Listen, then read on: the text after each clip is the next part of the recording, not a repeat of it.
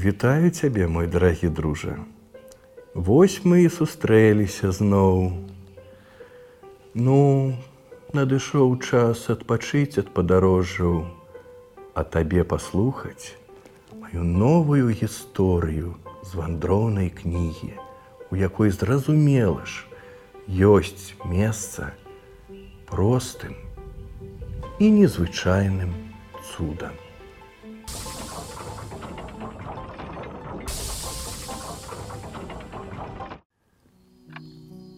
Маленькай крысціне вельмі не падабалася хварэць. Ляжыш сябе, ляжыш, бегаць нельга, Пра марозева можна только марыць. Адну доты дзяўчынка пачала лічыць усе зоркі за акном. Але зорак было шмат, яна ўвесь час збівалася. Тады Крысціна вырашыла палічыць месяц. Гэта лёгка зрабіць, бо ён адзін, Мама! паклікала дзяўчынка. Месяц можна купіць у краме, не цацачны, а сапраўдны. Ой, ну навошта табе месяц адгукнулася мама.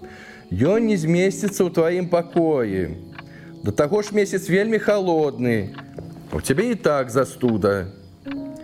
Мама, Ён мне патрэбны. Ой, не кажы глупстваў. Лепей кладзі вушкі на падушкі ды спаць. Мама пацалавала дачушку, падапнула ёй коўдрачку, потым выключыла святло і пайшла на кухню. Крысціне не хацелася спаць, але што тут зробіш? Яна зажмурылася і стала варочацца з боку на бок, каб прывабіць сон. А ў яе амаль гэта атрымалася, як раптам хтосьці пачаў ласкатаць ёй нос. Дзяўчынка расплюшчана вочы і ўбачыла маленькі мясцовы праменьчык. Ён ізноў дакрануўся да носіка крысціны і тая чыхнула: Апчі! Ты так моцна, што вылетела з ложку, нібы корак з бутэлькі. Вось яна так павінна была зваліцца на падлогу і набіць сабе сіняк, але яна не звалілася.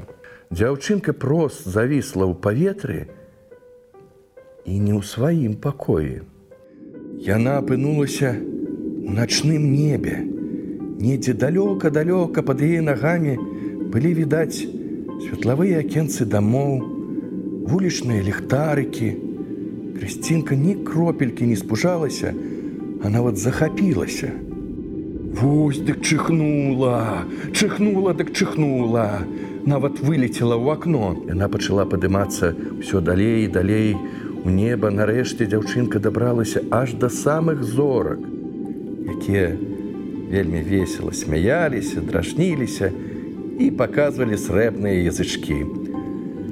З імі паважна плыў вялікі даўганосы месяц.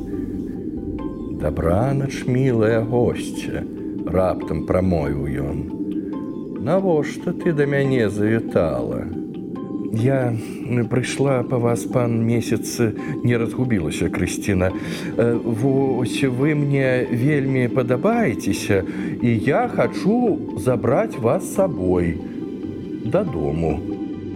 Ну як, як жа я магу пайсці адсюль здзівіўся месяц без мяне ўначы стане зусім цёмна Людзі могуць спатыкнуцца, зваліцца, паразбіваць сабе насы. А мае зоркі Ну што мае зоркі, без нагляду яны разбягуцца хто куды. Тады падарыце мне зорку, попрасіла дзяўчынка.